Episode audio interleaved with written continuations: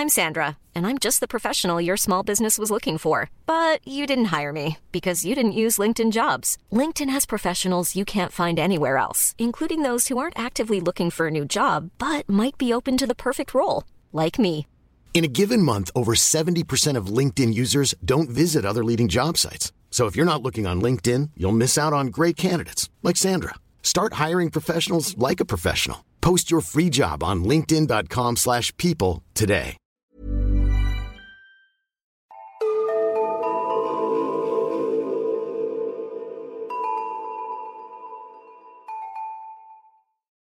Hej och välkomna till Nära ögat, en true crime-podd för mesar. Mitt namn är Alexandra Kensdottir. Och jag heter Amelia Ingman. Välkomna till avsnitt 47. 46 tänkte jag säga, men nej 47. Ja, Jag tror det är 47. ja det är 47. Jag tänkte börja med att berätta en grej. Jag var ute och gick häromdagen med en kompis. Och vi gick liksom en liten runda. Och sen så när vi skulle gå tillbaka så ser vi att det ligger en bil i diket. Det är väldigt halt ute. Och man ser liksom hur bilen har försökt bromsa. Det är liksom däckspår på den här isgatan. Och sen så ligger bilen på sidan nere i diket. Och ens första instinkt är så här, det här kan ju inte ha hänt nu. Nej. Så vi bara, men vi går förbi. Och så bara fick jag så här, du vet, som vi har pratat om innan, bara, men gud, det kan verkligen ha hänt nu. Det är bättre att ringa en gång för mycket än en gång för lite. Exakt, men vi då klättrade ner i diket och började så här, kolla in i bilen. Tack och lov så var det ju ingen där nu utan detta hade ju förmodligen hänt tidigare. Och jag har ingen aning om hur det har gått för personen som var i bilen men just där så kan man inte köra så snabbt så jag tänker att det är mer bilen som glidit av än att personen borde ha blivit så skadad. Den här gången var det ingen i bilen. Men det kändes så skönt att bara gå tillbaka och titta. Att verkligen försäkra mig om det. Mm. För jag tror att ens första tanke är alltid att det här kan ju inte ha hänt nu. Ja, men jag förstår vad du menar. Typ om man inte ser när det händer så tänker man att de redan har löst det liksom. Och jag kommer såklart att tänka på Lee Whistler. Eh, mannen i avsnitt fyra som jag tog upp. Just det. Han hamnade i en bilolycka och åkte av vägen. Men sen så var det liksom ingen som hjälpte honom och han satt fast i bilen. Han var ju där flera dagar om jag inte minns fel. Ja, den historien var så sjuk. Han fastnade väl på någon klippavsats eller vad det var. Eller att bilen blev hängande. Ja, det var typ i någon skogsdunge eller något har jag för mig. Ja, precis. Och han bara satt och väntade på att hjälpen skulle komma. Ja, och så var det ju massa hemska detaljer med så djur som typ började äta på honom om jag inte minns fel. Jo. I alla fall, det jag skulle säga var bara så här. Gå och kolla en gång extra om ni ser något. Det värsta som kan hända är att du förlorar några minuter av din dag. Helt rätt. Och som vi brukar säga, Det är bättre att ringa en gång för mycket än inte alls. exakt. Men nog om det. Ska vi köra igång? Det gör vi. Idag ska jag berätta om Cleo Smith. Och det här fallet är nog det mest aktuella fall som jag har tagit upp hittills i podden. Det här hände nämligen i höstas. Och vissa saker är inte helt uppklarade än. Men det var så spännande att jag bara måste ta upp det.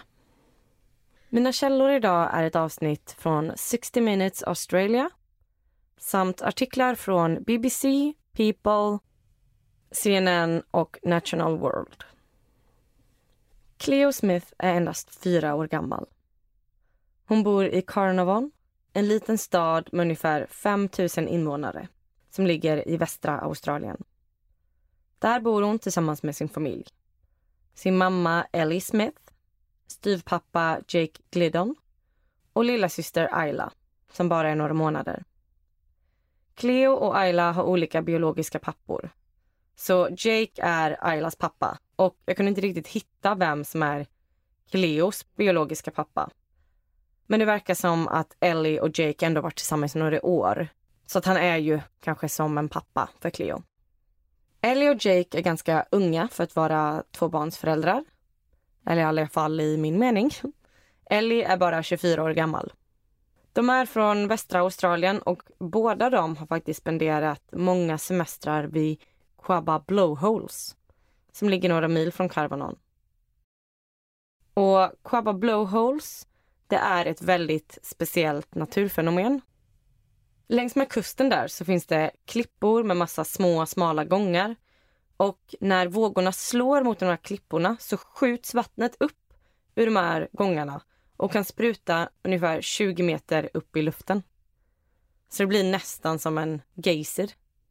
Så under hösten 2021 så bestämmer sig Ellie och Jake för att ta med barnen på en campingresa till Quabba Blowholes. De ser så mycket fram emot resan. Cleo är exalterad. Hon pratar hela tiden om att de ska åka och campa. Hon frågar Ellie och Jake hela tiden hur många dagar det är kvar innan de ska åka och sådär. Och 15 oktober så är det äntligen dags. När de kommer fram är de ensamma på stranden. Det är så vackert. De sätter upp ett nytt tält de har köpt. Och det här tältet består av två rum. Så de eh, blåser upp en stor luftmadrass i ena rummet som då föräldrarna ska sova på. Och i andra rummet så har de en mindre madrass för Cleo och en spjälsäng för Ayla. Så det enda som egentligen skiljer de två rummen åt är ju en tältduk. Och det här tältet är inte jättestort utan de är ju fortfarande max en, två meter från barnen. Och på den här resan så har de med Cleos nya cykel. Den är rosa och hon cyklar runt på den hela dagen. Och när det börjar skymma så tänder de en brasa och äter middag och sen så grillar de marshmallows. Efter en stund så blir barnen trötta och de nattar dem och lägger dem i tältet. Ellie och Jake sitter kvar en stund vid brasan innan de sen också kryper ner och ska sova. Det är en ganska blåsig natt. Så det viner i träden och vinden tar tag i tältduken så det låter lite. Och vågorna slår ganska hårt mot klipporna. Men det är väldigt, väldigt mysigt. Och lilla Cleo vaknar runt halv två på natten och är törstig och ropar då på sin mamma Ellie. Så Ellie går in med vatten i det andra tältrummet, ger Cleo det, sen säger de godnatt. Och Ellie går tillbaka till sitt rum. Ellie vaknar tidigt på morgonen och när hon gör det så ser hon att dragkedjan till deras rum är lite öppen. Men hon tänker inte så mycket mer på det. Sen går hon upp och går in till barnen. Ayla ligger i sin spjälsäng, men Cleo är inte där. I det här tältet så finns det två ingångar, ett i varje rum. Så föräldrarnas ingång är då mot brasan. Men sen så fanns det också en ingång på baksidan av tältet där barnen sov. Men det var ingen ingång som de hade använt överhuvudtaget. Men nu när Ellie tittar in så ser hon att dragkedjan är nere och tältdörren är vidöppen. Ellie får nu panik. Och hon känner i hjärtat att något är otroligt fel. Hon skriker till Jake att Cleo är borta. Och Jake förstår ingenting. Han försöker lugna Ellie och säger att Cleo måste vara i närheten. De springer ut ur tältet och letar. Men de ser inte Cleo någonstans. Fy vad fruktansvärt. Mm, det måste vara sån otrolig ångest. Ja, man fattar ju att mamman får panik. Men det var inga andra i det här campingområdet, eller? Nej, alltså de hade varit ensamma på den här stranden. Ellie och Jake springer nu fram och tillbaka över hela stranden och de ropar efter Cleo. Ellie berättar efteråt i en intervju hur hon hoppades så innerligt att Cleo skulle komma springande tillbaka och hoppa upp i hennes famn. Men Cleo är borta. De får inget svar. Så de ringer till larmcentralen och det dröjer inte många minuter innan de är på plats och hjälper till i letandet. Ellie har en magkänsla som säger att Cleo inte har försvunnit frivilligt utan att någon måste ha tagit henne. Och efter att polisen undersökt platsen så håller de med. Dels så var det konstigt att dragkedjan in till Ellie och Jake var öppen öppen 30-40 centimeter fast de vet att de hade stängt den. Och sen så var ju dragkedjan till tjejernas del av tältet öppen. Och den dragkedjan öppnades uppifrån och det var alldeles för högt för Cleo att nå. Så att hon kan inte ha öppnat den själv. Och utöver detta så var Cleos sovsäck också borta. Så om hon hade tagit sig själv ut och tagit med sovsäcken så skulle hon ju med största förmodan ha släpat den, inte burit den. Men det fanns inga sådana spår. Och till slut så hade de också hittat ett fotspår utanför som såg ut att tillhöra en vuxen person. Polisen har ju som sagt kommit till platsen och de startar en stor sökinsats. De letar med bil, med båt, med helikopter, med drönare, på häst och med hund. Och hela samhället samlas och letar. Alla vill hjälpa till att hitta Cleo. Men timmarna går och Cleo hittas inte. Det blir kväll och nu börjar det bli otroligt jobbigt för Ellie och Jake. För de vet ju att det är de första timmarna som är viktigast. Och ju längre någon är borta, ju mindre blir chansen för att man ska hitta dem alls. Efter Cleo har varit borta i 24 timmar så börjar mamma Ellie vända sig till sociala medier. Hon börjar lägga upp inlägg om hennes saknade dotter.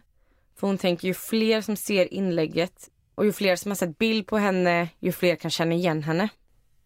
Och det här var också ett sätt för Ellie att faktiskt kunna göra något. För hon var ju hela tiden tvungen att ta hand om deras andra dotter, Ayla. Så hon kunde liksom inte vara ute och leta 24-7. Men genom då att uppdatera frekvent på sociala medier så kunde hon nå ut. Och detta ledde också till att många började följa Ellie och familjens förtvivlan i realtid. Och det ledde till att väldigt många engagerade sig i fallet. Polisen hade span på campingen. De registrerade alla bilar som körde i området. Men dagarna går, men Cleo hittas inte. Och efter att Cleo varit borta i fyra dagar så blir det väldigt dåligt väder. Vilket förstås minskar chansen för överlevnad om hon skulle vara utomhus någonstans. Och polisen är hela tiden väldigt transparent med Ellie och Jake och säger att ju fler dagar som går, ju mindre blir chansen att de ska hitta henne vid liv. Polisen förhör flera vittnen och några berättade att de hade hört en bil starta runt tre på natten i närheten av där Cleo försvann. Och förutom detta så kunde polisen även samla in DNA från brottsplatsen som de misstänkte tillhörde en eventuell gärningsperson. Efter ungefär en vecka i Quabba Blowholes blev Ellie, Jake och Ayla tvungna att åka hem till Carnarvon igen. Och Ellie berättar att det var en extremt stor sorg att behöva lämna. Det kändes som att hon övergav sin dotter. De har åkt dit med sina två döttrar och återvänder nu hem med endast en. Väl hemma i Carnarvon så undersökte polisen även Ellie och Jakes hus. Och detta ledde till mycket spekulationer och folk började skvallra på sociala medier. Det började gå rykten om att det är Ellie och Jake som är skyldiga. Eller speciellt Jake som är styvpappa till Cleo. Folk skrev att det måste vara han, han ser skyldig ut. Och folk började till och med kontakta familjen och skriver till Jake att han är en mördare. Att han borde ta sitt eget liv. Och Jake försöker ignorera allt som skrivs men Ellie läser varenda kommentar och varenda DM. För att hon känner att det är det enda hon har kontroll över. Men folk var jättehemska mot dem. Ja, det är läskigt när det blir såna drev. Det kan mm. verkligen förstöra en människas liv. Speciellt när det handlar om misstankar och inte någon som är dömd för något. Ja, när jag läste just detta så började jag tänka på Madeleine McCann. Mm.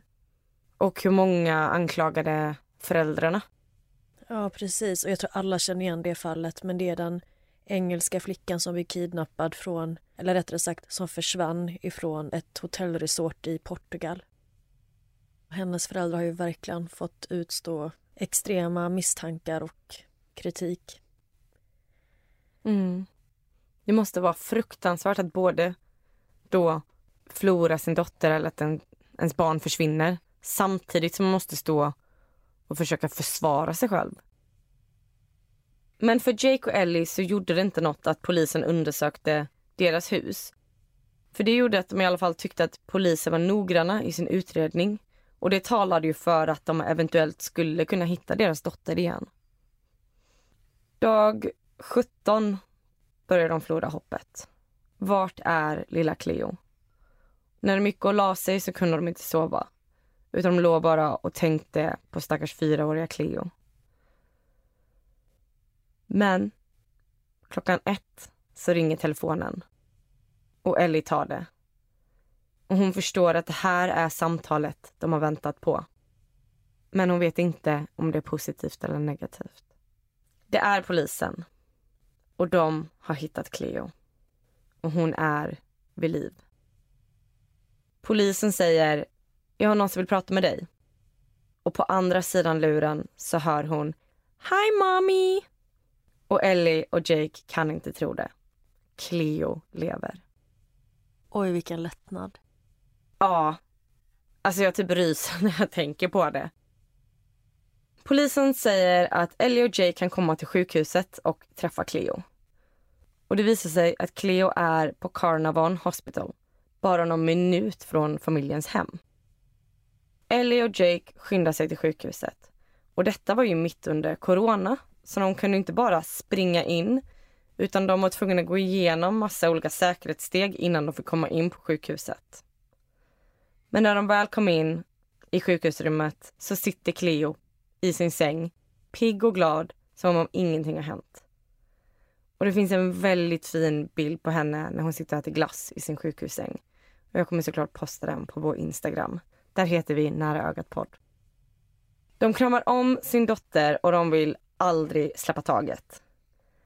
Lilla Cleo är ju bara fyra år gammal. Så de tror inte riktigt att hon förstår vad det är som har hänt. Men det första familjen lägger märke till det är att någon har klippt och färgat hennes hår. Och vad är det då som har hänt? Det man tror har hänt det är att Terrence Darrell Kelly, en 36-årig man som också bor i Carnarvon var vid Quabba Blowholes natten till den 16 oktober 2021. Polisen misstänker att Terrence inte hade planerat det här utan det var när han såg den lilla rosa barncykeln utanför tältet som han förstod att det måste finnas en liten flicka i tältet som han bestämde sig för att kidnappa.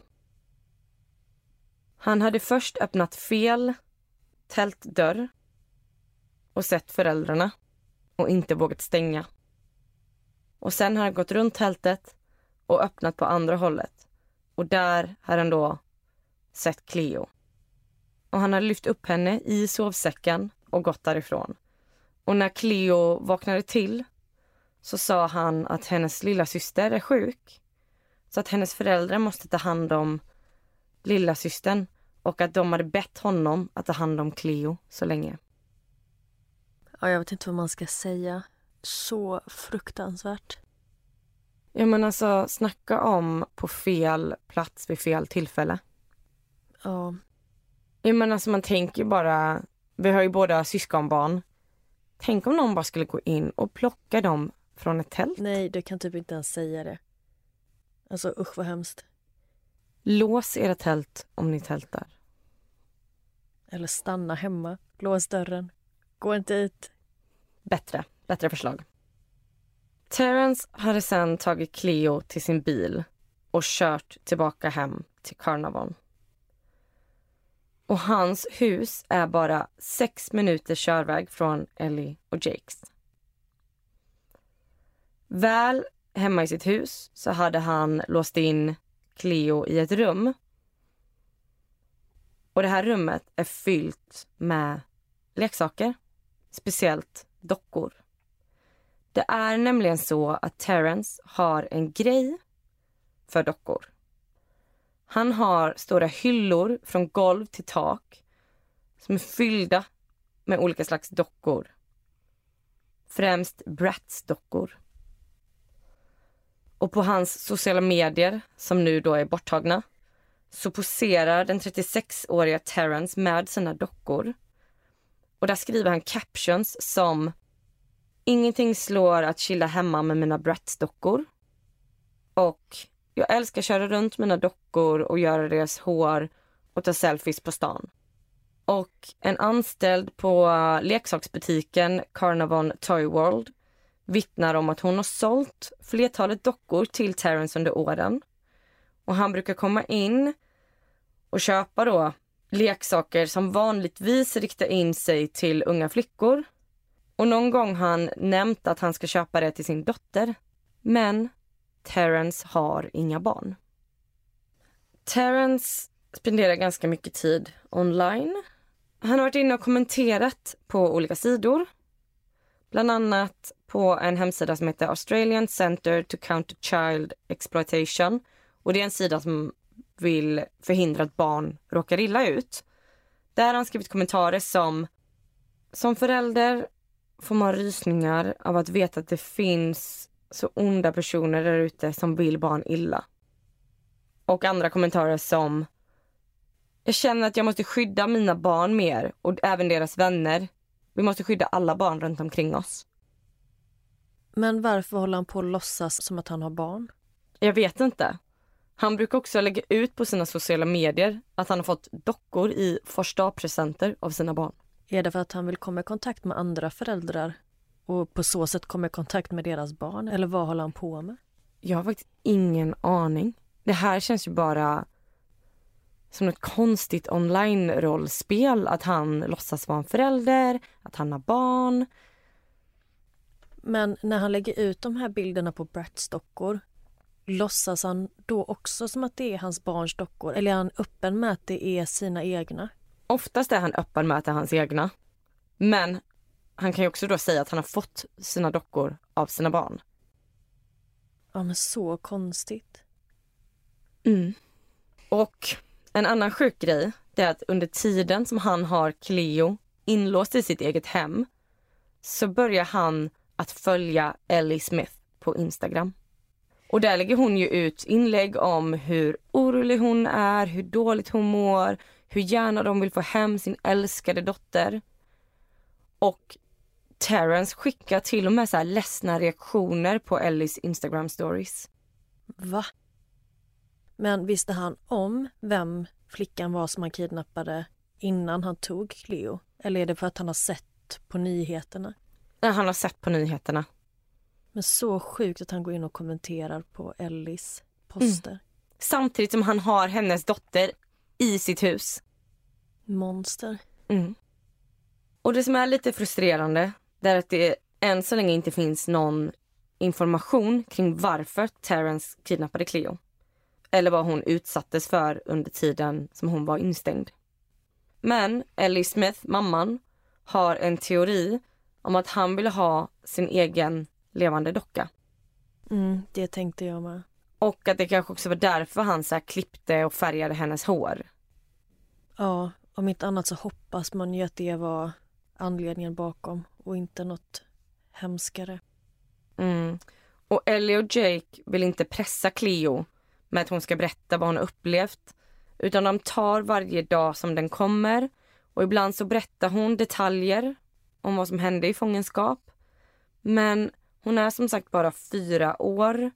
Så det är väldigt svårt att få fram någon slags tidslinje eller information från henne. Och det finns inte heller särskilt mycket information kring hur polisen hittade Terrence. Men det är officiellt att de började kolla upp bilar som hade varit på platsen och att de kollade CCTV från en sjukt stor eh, radie runt där hon kidnappades. Och att genom att göra det så kunde de börja bevaka olika bilar som hade rört sig i närheten. Men mer än så har inte jag hittat i dagsläget. 24 januari 2022 så var det dags för rättegång i distriktsdomstolen i Perth. Terrence Daryl Kelly erkände sig skyldig till kidnappningen av Cleo Smith och riskerar nu upp till 20 års fängelse. Den 20 mars, på söndag, så ska han återigen upp i domstol. Och jag tror att det är då hans straff tidsbestäms.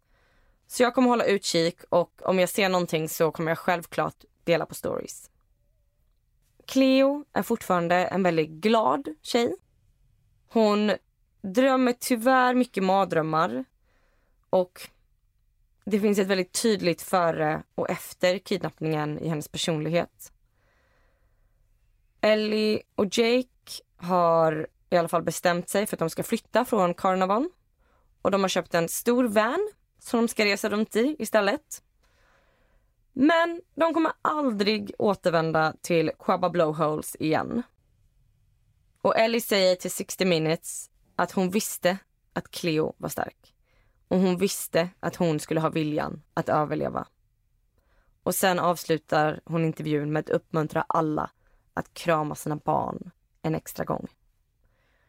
Och det var historien om Cleo Smith. Ja, så hemskt. Måste vara alla föräldrars mardröm. Ja.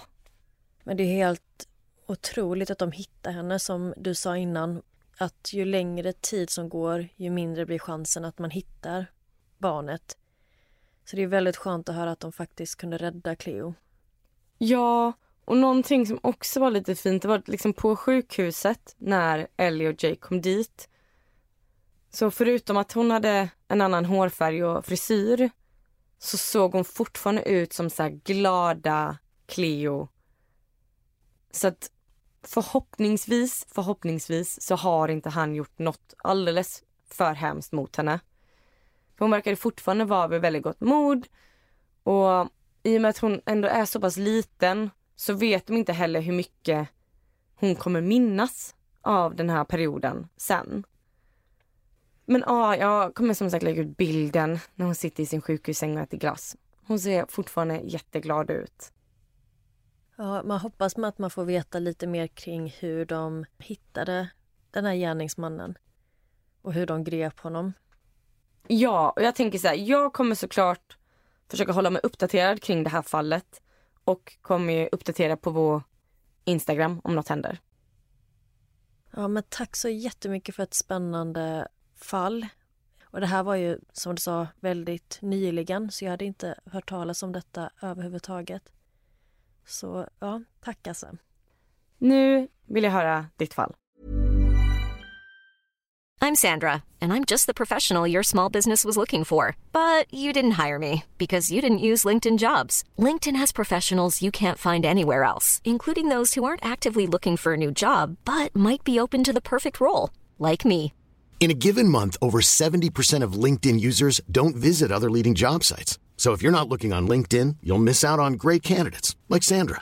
Start hiring professionals like a professional. Post your free job on linkedin.com/people today. If you thought the only way to get a more defined jawline with natural-looking results was through surgery, think again. Juvederm Volux XC is a non-surgical injectable gel filler that improves moderate to severe loss of jawline definition and can help you achieve natural-looking results with little downtime. Even better, this improved definition lasts up to one year with optimal treatment. No maintenance required. Improve jawline definition for a smooth, sculpted look with Juvederm Volux XC. For important safety information and to find a licensed specialist, visit juvederm.com. That's J U V E D E R M.com. Not for people with severe allergic reactions, allergies to lidocaine, or the proteins used in Juvederm. Common side effects include injection site redness, swelling, pain, tenderness, firmness, lumps, bumps, bruising, discoloration, or itching. There's a risk of unintentional injection into a blood vessel, which can cause vision abnormalities, blindness, stroke, temporary scabs, or scarring. Talk to a licensed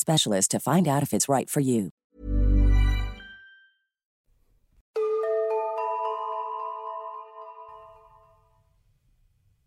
Mitt fall idag utspelar sig också i Australien. Och jag ska berätta om Blake Davis och Hannah Quinn. Och detta är tips från Daniella. Så tack så mycket för tipset. Och jag vill varna redan nu för att det här fallet innehåller ett dödsfall. Mina källor är ABC News, news.com.au, ett avsnitt av 60 Minutes Australia, 7 News och Wikipedia. Blake Davis och Hannah Quinn är ett ungt par i 20-årsåldern.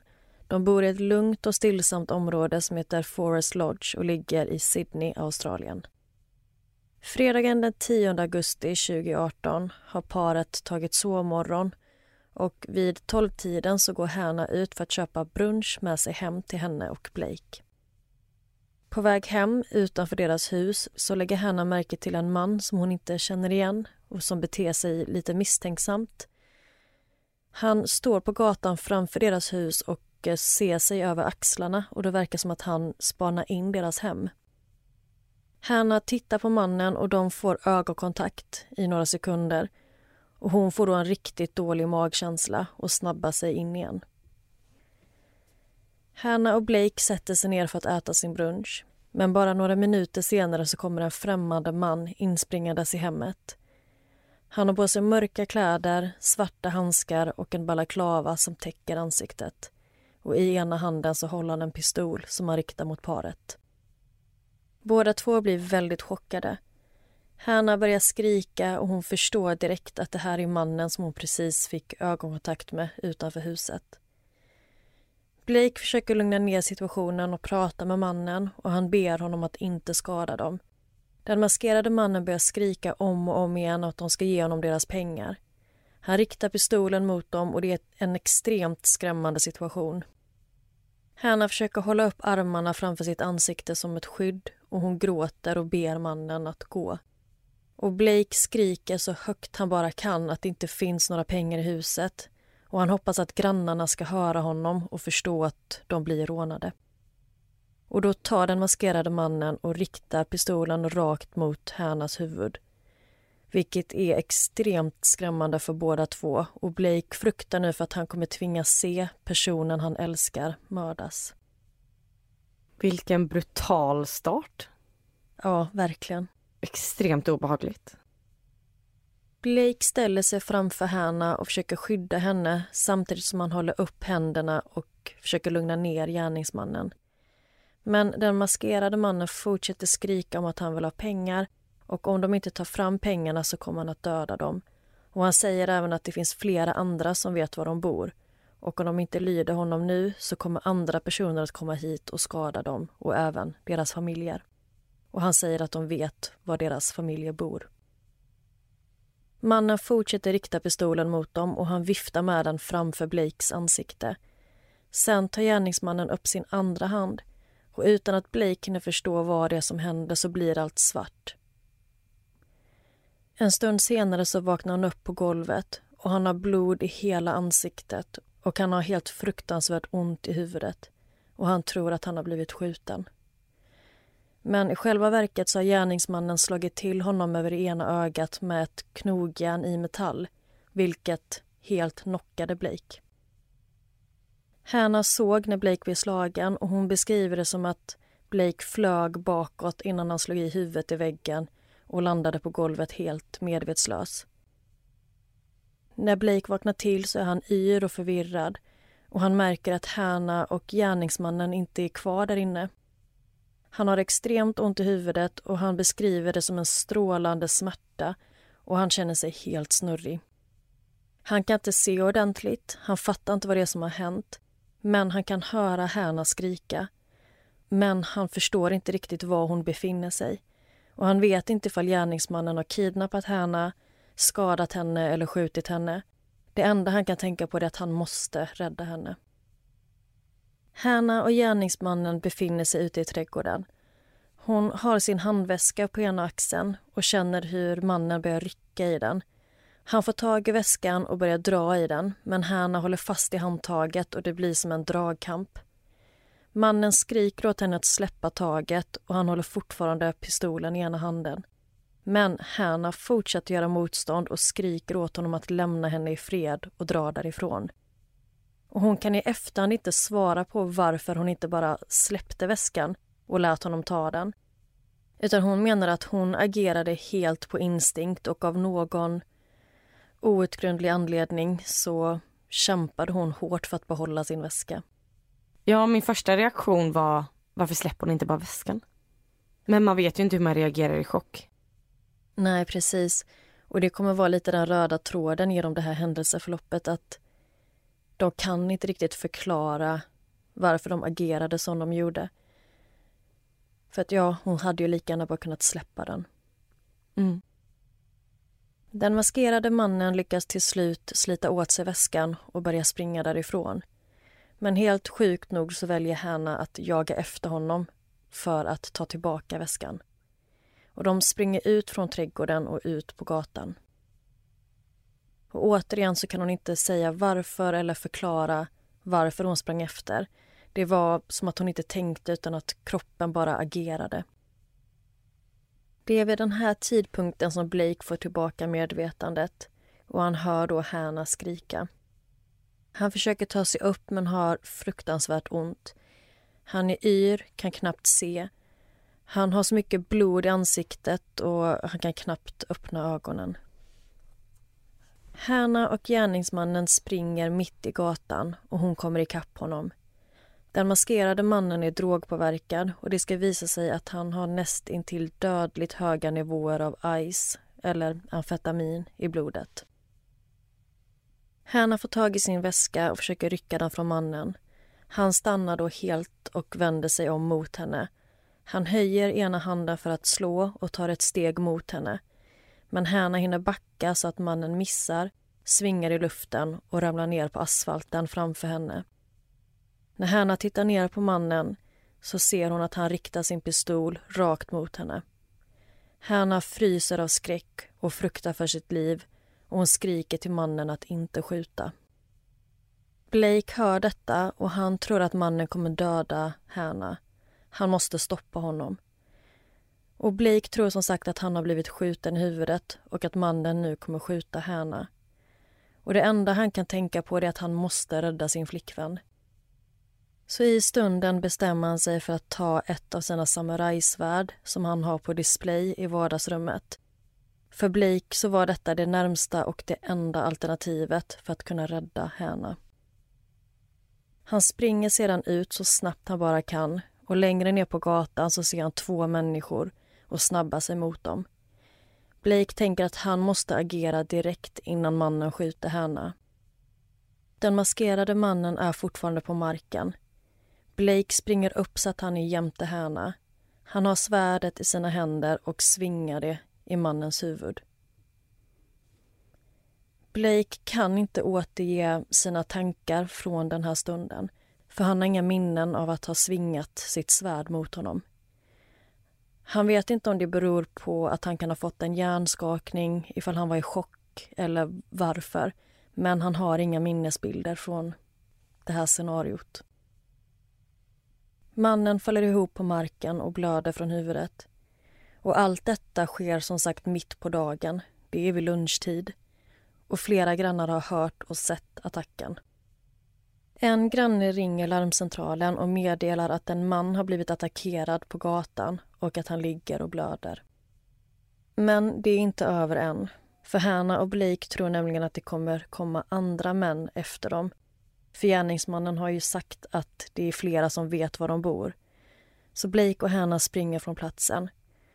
Och när de är på väg bort så tittar Hanna bakåt och då ser hon att den maskerade mannen försöker resa sig upp. Och hon tror att han kommer följa efter dem, så de flyr därifrån. Den maskerade mannen lyckas ställa sig upp och stappla fram en liten bit på gatan men slaget från samurajsvärdet är så pass allvarligt så han faller snart ihop igen och dör sen på gatan. Vilken fruktansvärd situation. Ja. Det är ett sånt skräckscenario som man själv inte vet hur man hade agerat om man hade varit i den här sitsen. Men det känns också som att det hade kunnat gå att undvika. Att det hade inte behövt gå så här långt. Nej. Det är väldigt svårt att veta hur man reagerar i en sån situation. Ja, det är omöjligt att, att veta i förväg. Mm. Men usch vilken, eh, vilken ångest. Mm. Polis kommer till platsen och inom en timme var både Blake och Hannah misstänkta för mord och polisen inleder en jakt efter dem. Blake och Hannah är inte medvetna om att mannen har förlorat sitt liv utan de har full fokus på att försöka komma undan honom och de tror att om han får tag på dem så kommer han skjuta dem. Men ringer de till polisen? Nej. Och de har ingen aning om hur allvarliga skadorna är som Blake utsatt den här mannen för. Och de har inte en tanke på att ringa ambulans för de såg att han reste sig. När Hanna och Blake flyr från platsen så springer de först hem och gömmer svärdet i trädgården. Sen springer de in i huset och hämtar fem stycken nunchucks, en luftpistol och 21 000 dollar i kontanter. Vad var det första du sa? Nunchucks. Vad är det? Ja, men det är ett sånt vapen, du vet två pinnar som sitter ihop med en kedja. Som Annie Turtles har? Jag tror det är... Michelangelo? Ja, precis. Men vadå, de hämtar det, kontanter och en luftpistol? Mm. Och Blake kan inte förklara den här packningen. Men han säger att det är hans prop bag. För Blake jobbar som skådis och han menar det är därför han hade detta liggandes hemma. Och han säger även att beslutet att ta med sig detta visar bara på hur förvirrad och irrationell han var i stunden. Att han agerade på rädsla och impuls. Men de tar med sig grejerna i en plastpåse och lämnar hemmet och gömmer sig i en gränd. De är båda två i chock och de är helt inställda på att de måste fly undan den här mannen och att mannens gäng är efter dem. Så under de kommande tre dagarna rör sig Blake och Hannah mellan flera olika hotell och de är hela tiden i rörelse. De vill inte åka hem till sina vänner eller familj för de är rädda för att någon ska hitta dem där och de vill inte utsätta sina nära och kära för fara. Så det här håller på i flera dagar nu? Mm, de är på rymmen nu i tre dagar. Då borde ju chocken ha lagt sig, tycker man ju. Ja, det kan man tycka. Men de är båda två väldigt paranoida och de vet inte vilka gärningsmannen samarbetar med och alla de ser runt omkring sig är potentiella hot. Men borde de inte ringa polisen? Ja, av någon anledning så tycker de inte att ringa polisen är något alternativ. De har inte ens haft en tanke på att kontakta dem. Men de kan heller inte förklara varför. Utan de menar att det här agerandet är helt ur rädsla. Och paret säger också att de inte höll sig undan på grund av att de kände någon skuld eller för att gömma sig från polisen. Det är inte det det handlar om. Attacken ägde rum på fredagen och dagen efter så hör Blake och Hanna på radion att mannen som brutit sig in i deras hem har dött. Och de menar att det här är första gången de får reda på detta. Och när de hörde detta så tittar de på varandra och börjar gråta och förstår då allvaret i situationen. Men de kan fortfarande inte riktigt greppa vad det är de har gjort och känner sig helt lamslagna. Så det är först på söndagen som de bestämmer sig för att kontakta polisen. Och paret träffar sedan polisen på måndag kväll, tre dagar efter attacken. Och då har de hunnit skaffa sig advokater. Blake kan inte greppa att han har tagit livet av en annan människa och han förstår inte hur detta kan ha hänt och han säger att han aldrig ville skada någon. Och vem är då mannen som bröt sig in i parets hem? Mannen bakom balaklavan var 30 år gamla Jet McKee, en australiensisk rappare. Han har flera gånger tidigare utfört våldsamma inbrott och rån. Och I flera av hans musikvideor så verkar det som att han återspeglar sitt kriminella liv.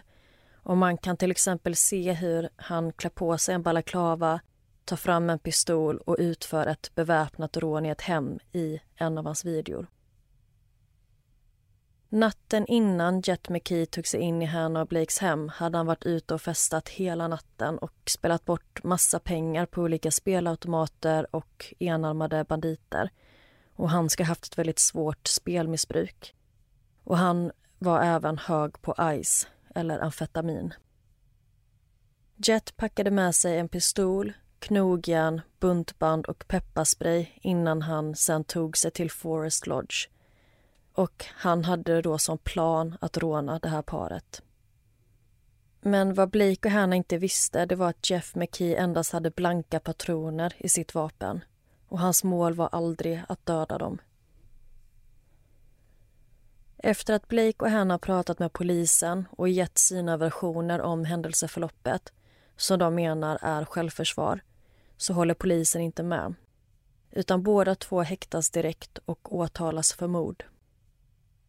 Efter paret häktas så söker polisen igenom deras hem och hittar en hel del märkliga saker. Och Det skulle visa sig att det här inte var ett random inbrott utan det var en planerad attack. Jet McKee hade aldrig tidigare träffat paret men en vän till Jet hade kört honom dit för att utföra inbrottet och den här vännen visste att paret hade stora mängder kontanter hemma.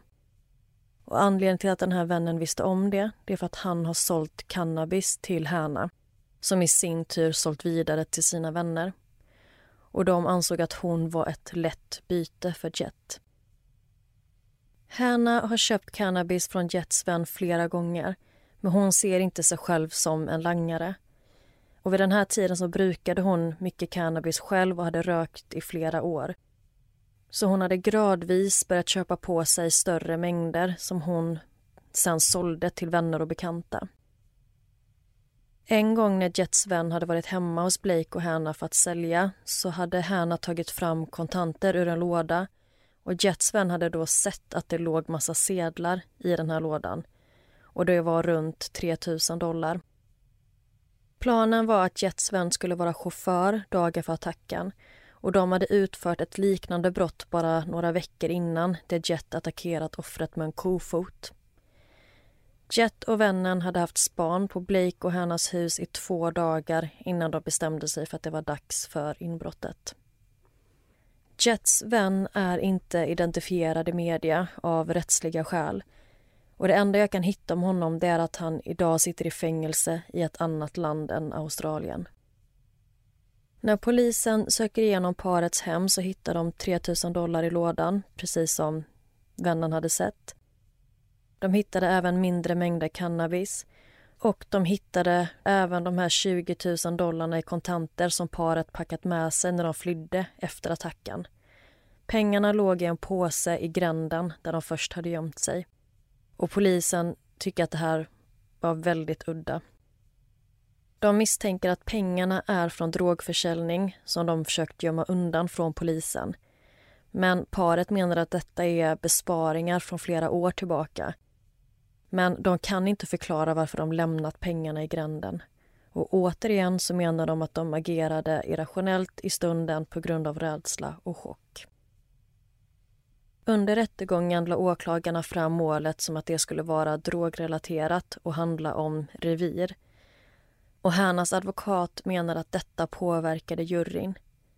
Men även om det skulle handla om någon form av droguppgörelse så menar advokaten att det ändå inte berättigar den här typen av inbrott och attack utan att Hanna och Blake är fortfarande offer. Blake och Hanna håller fast vid vad de sagt från början att deras agerande handlar om självförsvar gentemot en inbrottstjuv i sitt eget hem. Men under rättegången så argumenterar man att när Jet McKee fick tag i Hannas väska och sprang därifrån så behövde inte Blake och Hanna försvara sig längre. Genom att jaga efter honom så blev de istället angriparna. Men Blake menar att mannen inte alls sprang när han attackerade honom utan att de var stilla på gatan och mannen riktade sin pistol mot Hanna. Och han säger att allt han ville i den stunden det var att skydda sin partner som han fortfarande ansåg var hotad. Och det här är en svår fråga. Vad kan man och vad bör man göra i en sån här hotfull situation? Och enligt Hannas advokat så är det väldigt komplicerat att argumentera för självförsvar. Men hon förklarar det som så att ens reaktion måste stå i proportion till hotet eller till det upplevda hotet. Och för Blake så hade hotet aldrig lagt sig. Han var under hela händelseförloppet under intrycket av att Hannas liv var i fara även efter Hanna jagade efter mannen på gatan. För när Blake vaknar upp och hör henne skrika så tror han att hon är hotad. Och Det finns många vittnen till attacken och flera av dem menar att de inte såg Jet McKee hålla en pistol. Men vissa menar även att de inte såg något svärd utan beskrev en pinne. Och Blake och Hannah menar att de här vittnena var alldeles för långt bort för att kunna se. Det närmsta ögonvittnet var ungefär 85 meter bort. Och de håller som sagt fast vid att det var självförsvar. Men juryn ser inte riktigt fallet på samma sätt. Och det är flera faktorer som kan ha spelat in gällande hur juryn uppfattade paret. Bland annat att Blake använde sig av ett svärd kan ha påverkat dem. Vissa kanske har svårt att förstå varför Hanna jagade efter mannen för att få tillbaka sin handväska. Och de kanske även reagerade på att paret inte gick till polisen tidigare. Juryn ansåg Hanna skyldig till att vara medhjälpare till dråp. Blake frias från mordanklagelser men döms skyldig till dråp för att ha använt sig av övervåld när han försvarade Hanna.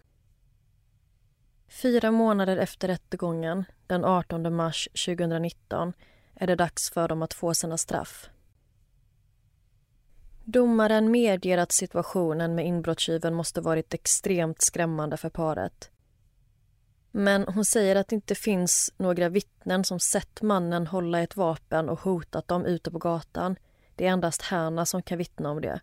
Och domaren tror, precis som juryn, att mannen ska ha haft vapnet på sig när han lämnat parets hem men att han inte hållit det i handen och att han sedan ska ha tappat vapnet efter han blivit träffad av svärdet. Men att han då inte utsatt dem för något direkt hot med vapnet utanför parets hem. Blake döms till två år och nio månader i fängelse utan möjlighet till villkorlig frigivning. Han ansökte om borgen för att överklaga domen, men nekades. Hanna slapp undan fängelse och hon dömdes till en Community Corrections Order vilket är en dom som tillåter förövaren att fullfölja sitt straff i en gemenskapsmiljö snarare än fängelse. Hanna säger att hon kommer vara evigt tacksam över att Blake räddade hennes liv och i evig sorg över att en människa miste livet den dagen. Men hon säger att hon är lycklig över att fortfarande vara vid liv. Och det var berättelsen om Blake Davis och Hannah Quinn och Jet McKee. Vilket svårt fall. Mm. Det här är ju lite annorlunda än vad vi vanligtvis tar upp. För jag tycker inte att det finns något tydligt offer i den här berättelsen. Och de man till en början ser som offer och förövare vänds sedan ja, man vet inte riktigt vad man ska tycka och tänka. Plus att det här fallet innehåller även ett dödsfall. Så det kanske går emot lite vad vi vanligtvis brukar välja. Men eftersom detta var ett tips från en lyssnare så tänkte jag att det är okej att ta upp ändå. Ja, men det är alltid svårt med såna här fall för att man vet själv inte riktigt vart man står, vem man hejar på är väl väldigt klumpigt uttryckt men det är ju lättare med historier där man känner så här, men det här är en förövare och det här är en, ett offer. Och jag tycker det är lite svårt hur man ska tänka på Blake och hans ansvar i den här situationen. För han ville ju bara skydda Hanna och han hade ju inte befunnit sig i den här sitsen om det inte vore för att Hanna höll på med sin drogförsäljning. Men jag tänker också så här, de vet väl inte varför någon är där för att råna dem? Eller? Alltså, om jag förstår det rätt så har de ju fått fram den här informationen via vännen som körde Jet dit. Ja, men jag menar när, när Blake och Hanna är i sitt hus och förövaren kommer in så vet ju inte de varför förövaren har valt dem. Nej, precis. De har ingen aning om varför den här mannen har tagit sig in i deras hem. Och de har aldrig sett honom tidigare. De tror att det är helt slumpartat. Och de säger ju att de inte har pengar hemma och de försöker få ut mannen ur sitt hem. Ja men det som blir så svårt är att alltså Blake hade ju aldrig gjort det här mot mannen om inte mannen hade brutit sig in i deras hem. Så att hans agerande är ju bara en reaktion på vad Jet gjorde. Mm. Han hade ju aldrig råkat ha ihjäl Jet om inte Jet hade brutit sig in i deras hem. Så att jag fattar ju liksom självförsvarsgrejen. Ja, och Blake, han gjorde ju detta för att han försökte rädda livet på sin flickvän. Och han förstod inte att det skulle ha så fruktansvärda konsekvenser. Och Blake menar att trots att han inte minns själva stunden då han slog Jet med svärdet så säger han att han vet att hans intentioner var att rädda Hanna, inte att döda. Och Blake beskriver tiden efter attacken som att leva i en mardröm. Han trodde inte att det var sant och han kunde inte greppa vad det var som hade hänt och vad det var han faktiskt hade gjort. Utan han säger att det var en mardröm. Ja, och jag funderar, alltså det är lite svårt att veta så hur deras relation till polisen är om exempelvis Hanna säljer cannabis. Mm. Då kanske man är rädd för polisen på ett helt annat sätt jämfört med vad vi är. Alltså för oss blir det så naturligt att ringa polisen om någonting händer. Men det är så svårt att säga om de var lite så småkriminella så kanske man inte ringer polisen. Jag vet inte. Nej, precis. Och de visste som sagt inte att Jet hade dött förrän dagen efter. Så de trodde ju inte att det var någonting att anmäla mer än då det här inbrottsförsöket. Och när de får kritik kring varför de höll sig undan och varför de rymde och det är många som tror att de försökte rymma från polisen så säger de att om de hade velat fly på riktigt, alltså fly undan polisen på riktigt så hade de gjort allt i sin makt för att hålla sig osynliga. Men alla deras rörelser under de här tre dagarna på flykt fångas av CCTV från olika hotell, gator, taxis och så vidare. Och de menar att det bevisar också på att de inte försökte hålla sig undan. Att de inte försökte hålla sig undan polisen. Ja, men det här känns nästan som ett så klassiskt etiskt dilemma. Vad skulle du gjort om du var i den här situationen? Ja, precis. Men många menar ju precis som du säger att de kanske hade agerat annorlunda om de inte hade haft den här cannabisförsäljningen på sidan om. Men paret säger också där att hade de velat dölja det så hade de gjort sig av med alla droger de haft i hemmet innan de flydde därifrån och så vidare. Och Blake ska redan innan inbrottet ha lidit av ångest och PTSD så attacken kan ha triggat en ännu mer akut reaktion än hos någon utan de här diagnoserna. Och hotet var så starkt att han förlorade sitt konsekvenstänk. Och Hanna i sin tur ska ha haft en diagnos gällande hyperaktivitet och uppmärksamhetsbrist.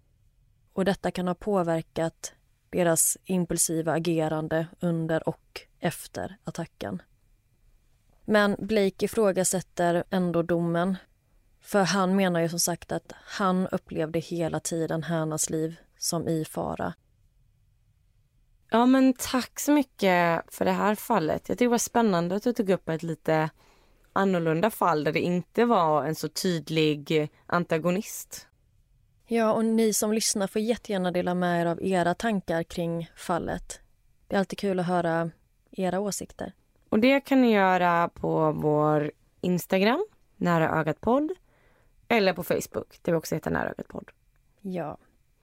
Så ja, tack så mycket för att ni har lyssnat idag så hörs vi igen nästa vecka. Tack så mycket. Ha det fint.